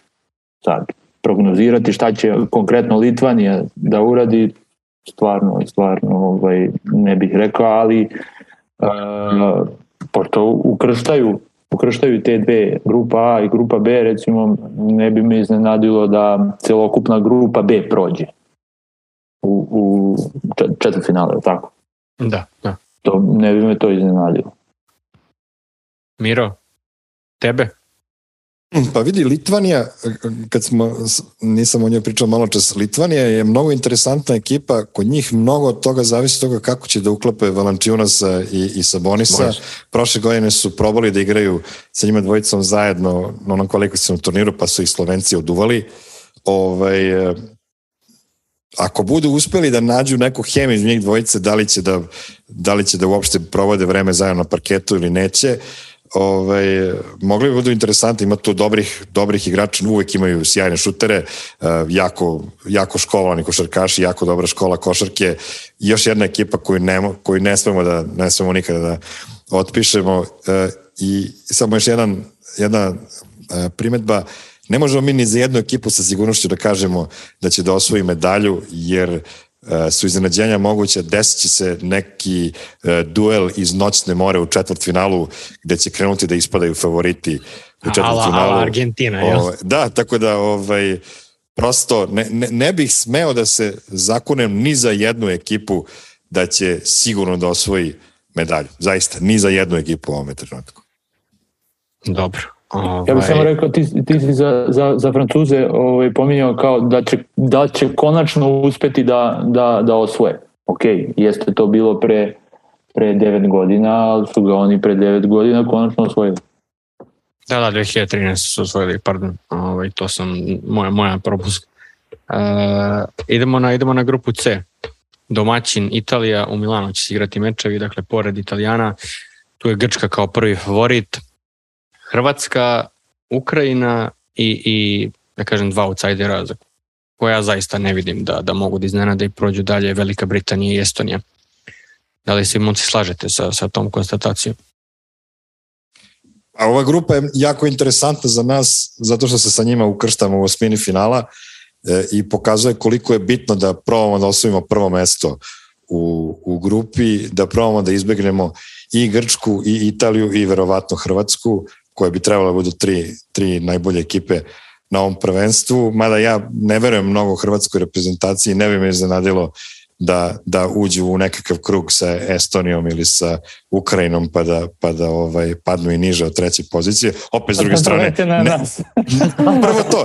Pazi, mogu bi da im se desi kontra od onoga što im se desilo 2014. Oni su igrali sjajnu košarku 2014. na svetskom prvenstvu, bili da. prvi u svojoj grupi, naišli na našu ekipu koja je bila četvrta u našoj grupi i onda smo ih mi dobili u, u jel to beše bilo osmina finala? Ne, ne, to je u, Hr u, pardon, u, da. u Riju. Da, ovaj, tako da, ovaj, eto, ne bih, ne bih isključio mogućnost susreta Srbije i Hrvatske u osmini finala. Nadam se da se to neće desiti, pošto je Hrvatska puno bolja ekipa i od Ukrajine i, i od Estonije, recimo, ili Velike Britanije. Ovaj, ali bih volao da naši osvoje, osvoje prvo mesto. Ne bih nikako volao da vidim Grke suviše rano. Italijane, onako, Italijani... da, Galinari se povredio, tako da, da ovaj, povredio neće, neće Galinari, igrati. veliki su nam dužnici Italijani, mislim da, da ćemo morati to da naplatimo ove godine ako se budemo susreli sa njima. Slažem se s time. A co? Da li vidiš kao Grk, da li vidiš Grke kao ovaj prve u toj grupi? Da li su stvarno toliko veliki favoriti kao što svi misle? Za Grke najbitnije da na ovom prvenstvu Aca Petrović nije selektor nijedne reprezentacije. Znači, to je pre svega njima verovatno latnulo kad je videlo da ga nema na, na selektorskoj poziciji nijedne reprezentacije. Šalim se, Grci prema onome što su prokazali prethodnih mesec dana, zaista mislim da su da su glavni favoriti, videli smo ih u areni da su jedna ozbiljna reprezentacija, Janis Adetokumpo uz sve mane koje mogu da, da isplivaju na površinu kada su FIBA pravila u pitanju, mislim da je e, sazreo kao igrač dosta u odnosu na, na to svetsko prvenstvo 2019. godine, tako da videli smo 42 poena, Ovo, Grci su, po mom mišljenju, defanzivno isto jedna jako dobra ekipa, e, defanzivnu tranziciju, ono što je nama generalno možda problem u ovim pripremim, u ovim pred, u ova prethodna dva meča, oni to dosta dobro rade, jer Janis i Tanafisa da to kumpu se dosta dobro vraćaju e, nazad, e, spremni, spremni su uvek da, da udare rampu, tako da je to jedna baš onako kompletna ekipa. Znam da je Lukas imao nekih problema sa povredom, ne znam da li je igrao večeras, nisam gledao protiv Belgije i ovo Lukas Kalates, ovaj Dorsi koji igra fantastično i koristi, koji, koji na najbolji način koristi taj višak prostora koji dobija jer je odbrana uglavnom fokusirana na Janisa i mislim da, da, da, da su oni prvi favoriti. Italijani, što se Italijana tiče, ne znam, oni su pod, pod Gianmarkom Pocekom igraju stvarno mnogo dobro, e, lepu košarku, brzo, na, mnogo, na veliki broj poseda i poena, tako da će oni verovatno biti interesantni za gledanje. Da li će to biti dovoljno da, iako su domaćini, dobiju Grke, sumnjam, Galinari je ok povređen, ali Galinari nije igrao previše. Pripremne utakmice, faktički da nije igrao protiv Ukrajine, u kvalifikaciji je igrao dosta malo, tako da ono, Simone Fontecchio, ja bi tog e, igrača okarakterisao kao trenutno najboljeg igrača Italije, kao nekog ko, ko verovatno može da bude i ono e, najprijatnije iznenađenje, mada on ima kontinuitet dobrih igara Sećamo ga se prošle godine kako je odigrao e, kvalifikacioni turnir u, u Tokio, mislim da imamo prosek od 20 pojena po meču, tako da e, verujem da će da je on nova, opet ću iskoristiti isti, isti termin, nova prevelika stvar u italijanskoj košarci. Ok, a koliko će grčkoj reprezentaciji značiti Dimitris Situdis? Pa sad, ono što sam ovaj, rekao za, za nešto, ajde kažem što sam rekao za, za Pešića kad sam pričao Pešić, Duda, vam. znači i Tudiš će koristiti svoje znanje i pre svega iskustvo na, na nekim uh, velikim takmičenjima i, i ovaj, gde on vodio svoje klubove da ukomponuje i pre svega ove e, zvezde iz, iz NBA lige i u, u, u areni da je to izgledalo odlično a ovaj će tako izgledati i na na evropskom prvenstvu. Mislim Janis je ovaj stvarno ko mašina izgleda tako i, i igra i od njega sve zavisi. Bukvalno od njega sve zavisi i ovaj ovi ostali su tu da da da pomognu da on uradi to što treba, po meni. E sad, jeste, on je dao 40 i koliko poena kod, uh, protiv nas, pa je, pa je tako izgledao. Jeste, i Kalates, i Slukas, i ovaj, Dors, i ostali, ostali tu igrači. Svako, on ima, svako od njih ima, ima ovaj, svoj kvalitet. Ali ajde, možemo da povučemo paralelu. Ako Janis, kao i kod nas, Jokić, ako odigra svoju utakmicu taj dan, teško, teško da će ih neko pobediti. Mi smo ih pobedili, ali je bilo stvarno, stvarno ovaj, uh, utakmica videli ste svi kako teško. Tako da su oni tu sigurno prvi favoriti u toj grupi, ne samo u toj grupi, nego su sigurno jedni od favorita za, za, za medalju. Po meni, ako Grci ne osvoje ove godine medalju, koju ne znam, ali medalju mislim da, da, ovaj, da bi to za mene bilo iznađenje. Da, oni su medalju poslednji put osvojili 2009. Ovaj, baš kada, smo, kada si ti osvojio srebro, tada su bili treći, od tada nijedno, nijedno odličeno, nijednom takmičenju, što svetskom, što evropskom. Pa eto, sada, sada deluje da su se stvorili neki uslovi. Tako meni, meni ovaj deluje. Kao što je Miro rekao, iz tog razloga bi bilo dobro da, da ovaj, mi isto uradimo šta je, šta je do nas, da, da, da ih izbegnemo u toj nekoj ranoj, ranoj fazi eliminacije ovde je konačno napravljen idealan balans između trenera i igrača. Ranije su oni imali stvarno diskutabilna trenerska imena koji možda nisu ni uspeli da iznesu i da iskoriste sve Janisove kvalitete i ostalih, i ostalih igrača. A sad sam rekao za, za, za Itudisa gde je on tu iskustvo iz klubova koje je vodio na ovim naj, najvećim takmičenjima, a i ne znam, ko je, da li si ti rekao za, za Janisa gde je on u potpunosti sad sazreo e, kao igrač ja sam gledao i neke klipove, a i mogli smo da vidimo da je oni na tom šutu ovaj, dosta, dosta radio. Iako ga i dalje provociraju i malo puštaju, ne možeš baš sada ovaj, tako. Ne znam samo dok ćemo tolerisati ono, ono na slobodnim bacanjima. Onaj ritual. Minus ali, 20. Je, ali, ali mu pomaže, ali mu to pomaže, znači da je radio poslednjih godina i na tom šutu je, ovaj, je, da, da ga ne bi baš onako ovaj, skroz provocirao. Ne, apsolutno. Ovaj, ja, ja se dalje ne plašim njegove, njegovog šuta za tri, a, iako je poradio dosta na tome, ali slobodna bacanja su ono totalno drugačija stvar. A ali, ali baš zato što se ne plaši ili ne plašimo, kad ga pogodi ima da boli samo tako. Pa znam, najbitnije kod njega i kod njegovog šuta, pogotovo za tri, je da, da ne uđe u ritam. Ono to smo videli kod nas, mislim da je, mislim da je, da mislim da je, mislim da je pogodio... Mislio sam da ćeš to da kažeš. mislim da je, mislim da je pogodio, mislim da je pogodio prve dve trojke u prvom polovremenu i da, da je nakon toga promašio naredne, naredne 3-4, ako jeste, se dobro kasnije, sećam. Jeste kasnije. Tako da, uh, vidjet ćemo, vidjet ćemo kako to izgledati. Ja se slažem i sa tom i sa Mirom pogotovo jer totalno drugačija priča totalno drugačiji igrač odnosno na 2019 pored toga što je napredovao u tim košarkaškim aspektima, mislim da i na psihološkom planu dosta, dosta poradio, mnogo mu je pomoglo to što je osvojio konačno eto, tu titulu u Milvokiju, veliki teret e, skinut s ramena. Svoje titulu tako što je u poslednjem meču pogodio recimo 18 od 20 bacanja. Da, dao, dao je 50 ovaj. poena u, da, u da. šestoj utakmici finala, što niko, ne niko, ali ve, većina onih američkih analitičara i stručnjaka koje mi redovno slušamo i gledamo nije očekivalo, tako da zapušim usta svima, ali se nadam da, da na ovom prvenstvu neće to uraditi. U grupnoj ovaj. fazi bi mogo da bude problem ako mu Lomerović bude pozvao Petrovića ili bude pogledao te utakmice protiv Brazila i Hrvatske. Da, čoveč, eto, prošlo svetsko prvenstvo, Bruno Caboclo ga je, ga, iz Brazila ga je zaključio. Mislim da to na ovom prvenstvu neće biti slučaj, ali, ali vidjet ćemo. A co, prema što, krenemo, prema što pređemo na našu grupu, uh, da li misliš da Ukrajina možda može da pomuti ove račune Hrvatima ili eto, uh, osakaćenim Italijanima? Ne verujem. Gledao sam njihov meč protiv Italije,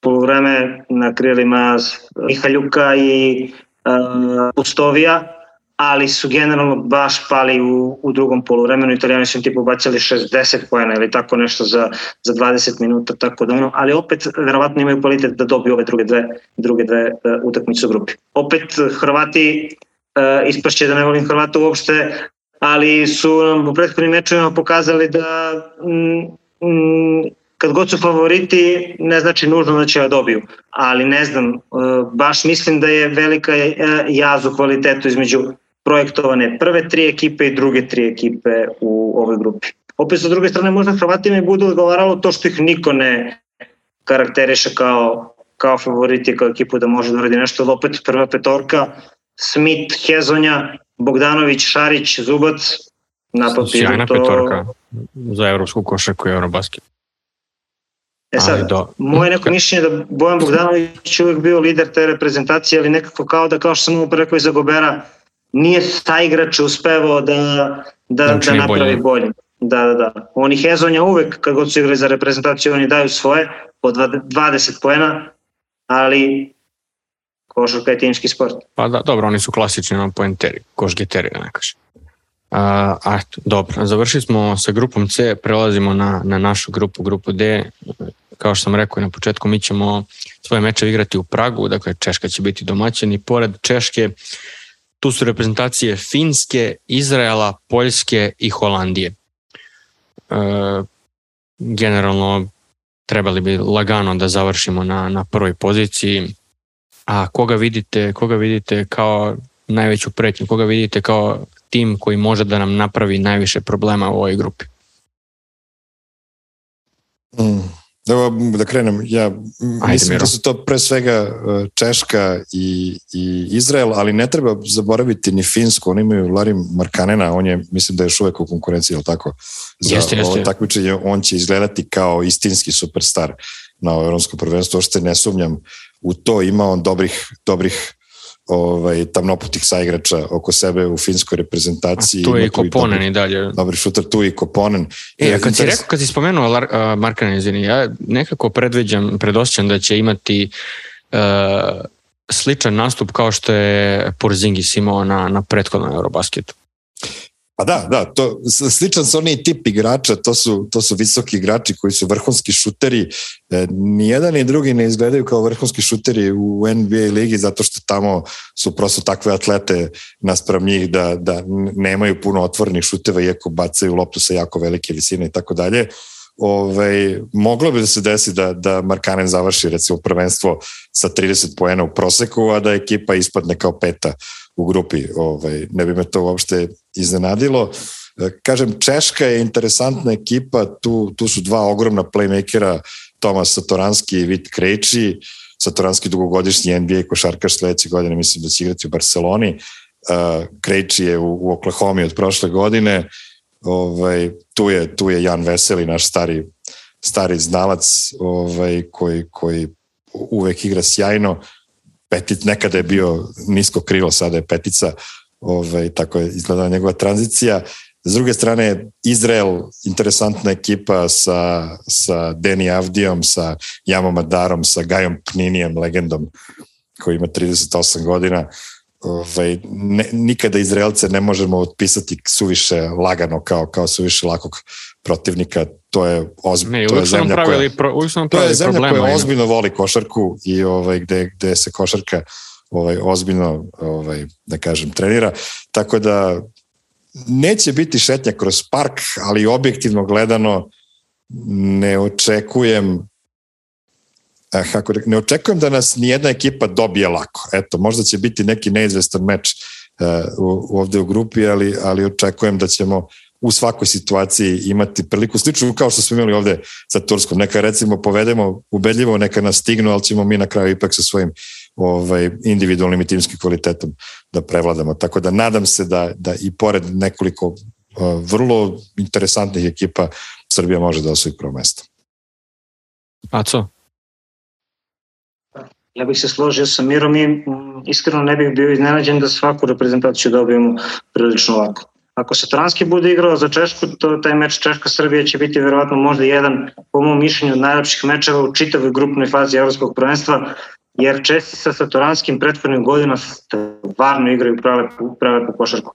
Čemu govori rezultati da su na Mundo basketu bili šesti čini mi se šesti, jesu, šesti. na poslednjem uh, kvalifikovali su se u, za Tokio tako što su na turniru u Kanadi dobili Grke i Kanadjane i stvarno je Satoranski ono pravi primer i najprirodniji uh, primer toga da sa igrače čini boljim. Znači kad je Satoranski na terenu stvarno ono, uh, pravi ono full general, kako se već, kako se to već kaže, pored njega proigraju i tipa igrači poput Hubana, Bohačika, Aude, koji igraju na klubskom nivou tipa na ligu šampiona i nikad nisu, nikad nisu e, dostigli neki, neki, neki viši nivo, ali stvarno igraju lepo i poletno. Što se Izraelaca tiče, oni su jedini na papiru, onako, jedina ekipa koja možda može da, da pruži neki jači otpor, jer e, vratit ću se unazad nekoliko godina, Boki verovatno, pošto on sad prati e, rezultate mlađih, mlađih selekcija, Izraelci su 2018. i 2019. osvojili Eurobasket do 20 godina. I sada ta generacija e, je okosnica, okosnica reprezentacije. Avdija, Madar, Zusman, oni malo mlađi, mislim da koju Makabi ove godine, Zorkin ili Sorkin, tako nešto. I stvarno mislim da će za nekoliko godina ta reprezentacija biti ozbiljno ime na evropskoj košarkaškoj mapi. Ali uh, u ovom trenutku im uh, fali uh, iskusan i kvalitetan igrač koji tipa 30, 30 i nešto godina koji može da svojim iskustvom iskontroliše tu mladost ili nezrelost ili kako god drugačije da, da kako, god, kako god da to nazovemo. Oni mogu da dobiju svakog, ali evo večera su na primjer od Švedske izgubili kod kuće u kvalifikacijama dvocifrenom razlikom, tako da mislim da je ta njihov, to njihovo neiskustvo u ovom trenutku glavna prepreka. Ostale reprezentacije uz dužno poštovanje Markane. kako? Nek se poređuju kako će. tako, tako. Ne, realno.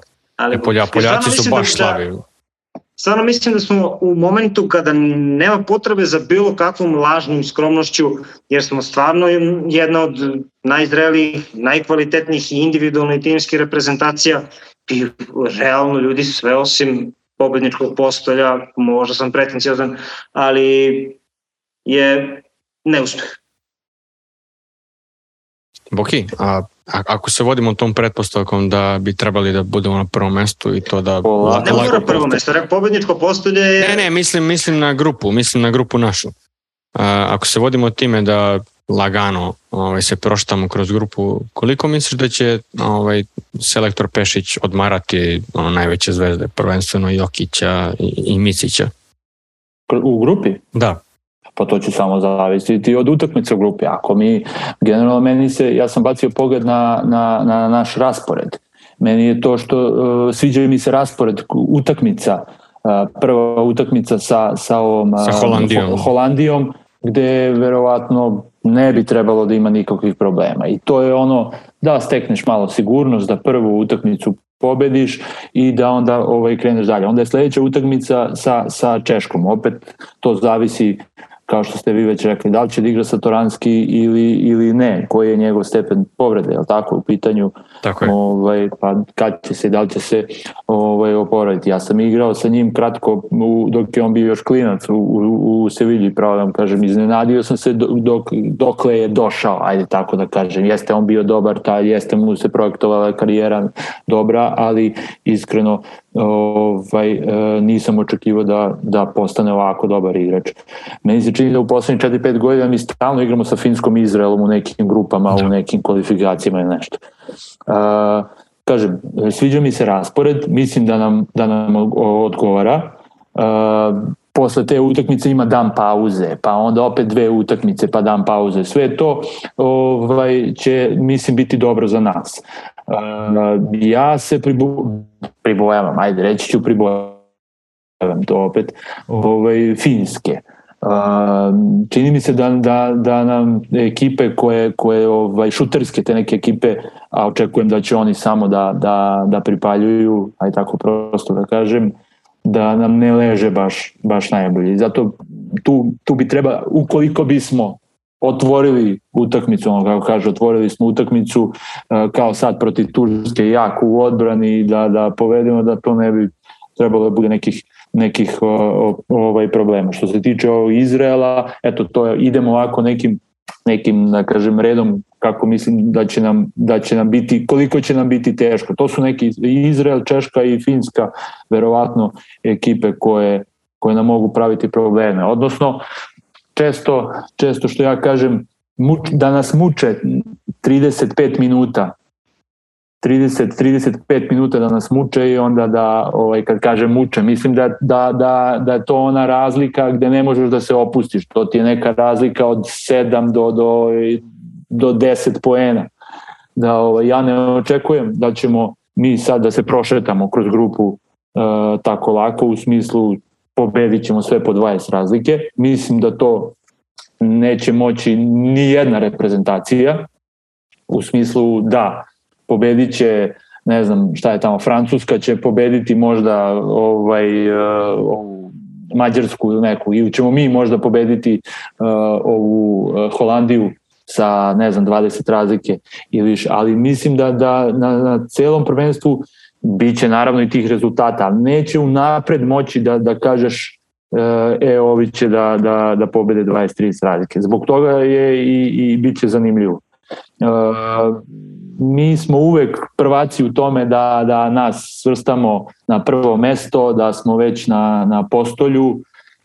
Ja sam, ja sam često i u životu i u karijeri bio, bio sam realan, e, tako da kažem. E, znao sam koliko vredim, koliko vredi moj tim, ali opet polako, ne, nigde nisam e, žurio u smislu da sam unapred neke, neke utakmice e, za svoj za svoj tim, svoju reprezentaciju upisivao, jer ono, bez obzira kako to nekome zvučao, stvarno su to utakmice najteže za, za, za igrača kad ti igraš protiv neke reprezentacije koje pre 10 godina nije, nije mogla da, da, da, da, da se uopšte pojavi na nekom evropskom svetskom prvenstvu. Sad ti odjednom igraš protiv Holandije. Ok, da je u pitanju futbal, svi bismo bili ono, Holandija. Ali sad igramo protiv Holandije, nemamo pojma ko su, ajde tako kažem isto prosto, sigurno da tu ima igrača koji, koji su zanimljivi, ali to je unapred već upisana pobeda, ali tako, kod svih. Da. Evo, mi, mi smo ovde već nas stavili ne, ne, ne protiv Holandije, nego smo već nas stavili kao prve u grupi. Ovaj, e, nisam čak ni pristalica onoga, često se i to dešavalo kao da se tempira forma ili kao da se bolje da smo izgubili jednu utakmicu u grupi. Ne, ne da, nisam da. ni pristalica toga. Ako možemo sve da ih pobedimo sa 20 razlike, treba pobedimo sa, sa, sa 20 razlike. Ne, ajde mi da izgubimo jednu, da mi tu malo iskalkulišemo, ovaj, ne, idemo do kraja. Ako možemo pobedimo svih, koliko? Devet, ako se ne varam, utakmica Uh, jest, jest. Ovaj, idemo pobedimo svi devet utakmica, ali, ali neće, neće biti lako. Neće biti lako. Još ako, ako Češka bude kompletno opet, to je domaći teren, to je potpuno ovaj drugačije na tim velikim takmičenjima kad si kad si ovaj e, domaćin. E, ja verujem da ćemo mi biti biti e, prvi prvi u grupi ili možda možda u nekoj situaciji drugi sa nekim porazom ili možda neki krug ali ovaj uh, da će nam biti lako protiv ovih Finske, Češke, Izraela neće nam biti lako. Barem ja to mislim i, i ovaj a znam znam i kako ovaj uh, Pešić razmišlja i znam da je da je on još onda kad je bio u, u Zvezdi seća se one jedne jedne uh, baš u Nišu bio kup gde, je, gde su ga novinari pitali kao eto, pobedili ste polufinale Hemofarm, idemo sad Zvezda Partizan, to je što su svi očekivali. Da je on sa, sa novinarem tim ušao neki onako, neku raspravu, nazovimo, kako možeš ti tako da, da, da, da pričaš? I ovi ljudi treniraju i ovi ljudi igraju, bore se da znam kako on razmišlja u smislu da, da kod njega nema unapred smo pobedili. To, to je ovaj, što nazovimo se sviđa, daje mi neku e, sigurnost da, da će na taj način da priprema ekipu protiv ovih uh, reprezentacija gde, gde 90, 99% ajde, košarkaške javnosti verovatno već upisalo pobedu. A koliko, aj sad da te pitam, koliko igrače i stručni štab, da li bi trebalo u, u, u eliminacionoj fazi da se, da se plašimo nekog, da, da, da kažem da se trudimo da izbegnemo? Pa po meni ovo, ovaj, samo Grčku, mislim samo Grčku, samo Grčku u ovoj prvoj narodnoj utakmici, a posle toga teško je za prognozirati sada kim ćeš da se ukrstiš i ko će tamo koga da pobedi. A s Grčkom mislim da se ukrštamo ovaj, jedino ako oni budu, mislim četvrti ne verujem da će biti. U tom slučaju bi se odmah ukrštili osmini finala. Druga opcija je da se s njima ukršt, ukrstimo ako oni završe na drugoj poziciji i to tek onda u polufinalu, što je, što je po meni sasvim ok. Čekaj, je ovo, ako ja dobro vidim, je ovo ovaj, sistem takav da ti sa ekipama iz A i B grupe ne možeš da se sastaneš Ne, ne, možeš, možeš. Evo, možeš. evo konkretno Već naš ko... Da, evo, Može četvrt final. Da. Tako, evo, konkret, evo Dobro, konkretno naš kostur, znači ako zdravlje Bože završi. da ne može u četvrt finalu, ali u polufinalu može. Uh, može e, tako je. Može, može u četvrtu. U četvrt finalu se ukrštamo sa uh, ko pobedi u duelu A2, B3. Znači to je, da kažem, po ovoj našoj prognozi bila bi Turska, pa sad ono, Litvanija, Francuska ili Slovenija. Tako da već nas, već nas u, u u tom četvrtfinalu čeka, mislim nije već, to je ono poslednjih osam, čeka nam dosta, dosta težak protivnik. Ključna utakmica na svakom prvenstvu je četvrt finale, nadamo se da će osmine finala neće biti e, preteška, mada opet kažem, mož, nije ošte isključeno da igramo sa, sa nekom Hrvatskom u osmini finala pa da bude e, više od igre, ali ako se to ne desi, četvrt finale može da se desi da bude veoma dobra ekipa u četvrt finalu, moramo biti spremni za tu utakmicu, a kada do, kada dobijete četvrtfinala, onda ste u borbi za medalje i ja lično, ja lično očekujem najviši mogući plasman na ovom prvenstvu, ali radio sam to i ranije, pa kada se ne desi, bože moj, šta ćemo, idemo dalje. Radimo na svakom prvenstvu, u svakom sportu, u svakom sportu. pa dobro, realno. Kao, ložimo se sada, ako ne, ne uspemo, ložit ćemo se. Onda, Kad ćemo da se ložimo ako nećemo sada? Ne. Pa evo, pa evo gledaj sad za, za futbol čoveče, ovi naši odigrali odličan vikend, svi daju golove, golmani brane, ono, daj, dajte više to svetsko prvenstvo da ne čekamo. I onda će dođe neka švajcarska i, i da nam daju go u 96. minutu kao što je bio slučaj sad Makabijem ovaj na Marakani. A dobro, to je, to je futbal, Marko, nije to isto. Pa znam. nije to isto. Mnogo gore za mene. Ali dobro, sad pričamo o košarci. Miro, ako bi mogao procente da staviš naše šanse za, za to zlato koje čekamo 20 godina, koliko bi nam dao procenat? 20%. 20%. 20% je jako visoko. Znači, ako imaš 24 ekipe koje se bore i ako ajde da kažemo da ima recimo jedno 6-7 ekipa koje realno mogu da dođu do te 20% je, je, je više nego bilo koja druga ekipa, ovaj, što i dalje naravno nije, nije tako strašno mnogo, jeli? Ovaj, za mene je lično uh, neuspeh sve što nije medalja, što ne znači da je katastrofa, jer ovo što mi gledamo sada, to su naši najbolji košarkaši to je najbolje što Srbija ima. Selektor Pešić je jedan od najvećih trenera svih vremena u Evropi i možda možemo da dovedemo drugog selektora koji će biti jednako dobar, ali sigurno nećemo naći nekog koji je bolji od njega. E, čovek se bukvalno vratio, tako reći, iz penzije da spase srpsku košarku. On, on poveda bukvalno od kako je postavljen za selektora koliko je važno da se kult reprezentacije vrati, koliko je važno da se uh, reprezentacija omogući da, da igrači igraju za reprezentaciju, tu pre svega mislim na Partizan i na Crvenu zvezdu koji bi trebalo da omoguće reprezentativcima i svojih redova da igraju za reprezentaciju čak i na svoju štetu. Ja bih lično kao navijač Partizana trampio ovaj, poraz Partizana, vrlo rado za pobedu reprezentacije u nekom isto, isto i za zvezdu, kad sam ja prozoru, a tek za zvezdu da ne pričam, da se malo našalimo, ali ovaj, znači ne bi, ako ne bi osvojili medalju, ne bi to bio razlog ni za kakve smene, ni za kakve promene generacija ili tako nešto. Ovo je ono što imamo, što je najbolje i treba da stanemo svom snagom i za njih i uz malo sreće posle 20 godina ponovo ćemo se radovati zlato. A co, ako uzmemo tih uh, mirovih 20% uh, i dodamo Bogdana, koliki bi taj procenat bio? Slažem s procentima, recimo da bi 60% da bio. Stvarno je žal, žal što Bogdan nije deo uh, ovog tima sada, ali on koga nema Meni bez je teško njega da se... zamislim reprezentaciju bez njega, iskreno. Jeste, jeste. moram. stvarno. E, upravo je to i, kad si već spomenuo Bogdana, to je ono što sam ja hteo da kažem, najbitnije je da svi budu zdravi. Znači, Bojan je spomenuo da bukvalno sad u poslednjih nekoliko dana je otpalo nekoliko vodećih igrača u, u nekim reprezentacijama, tako da je najbitnije da, najbitnije da budemo zdravi. Selektor Pešić neće dozvoliti tu neku euforiju koja već kod mene tinja i koja je verovatno prisutna kod ne 6 miliona, ali možda već kod 5 miliona tih e, selektora, tako da ne znam, iz utakmice utakmicu će verova, od utakmice do utakmice ćemo verovatno ići, tako da on ja stvarno e, što se tiče sastava grupe, e, sastava naše grupe i event, eventualnog protivnika u smini finala, već nas vidimo u četvrt finalu. Kad se već dođe do četvrt finala, to su stvarno nijanse, jer smo izdvojili 6, 7, 8 ekipa koje ravnopravno e, konkurišu za, za naslov prvaka Evrope, tako da će u tom trenutku odlučivati stvarno neke nijanse i onda on, ako hoćemo da budemo najbolji, moramo da pobedimo najbolje i onda, što bi rekao Miro, verovatno ćemo se radovati. Nadamo se, nadamo se.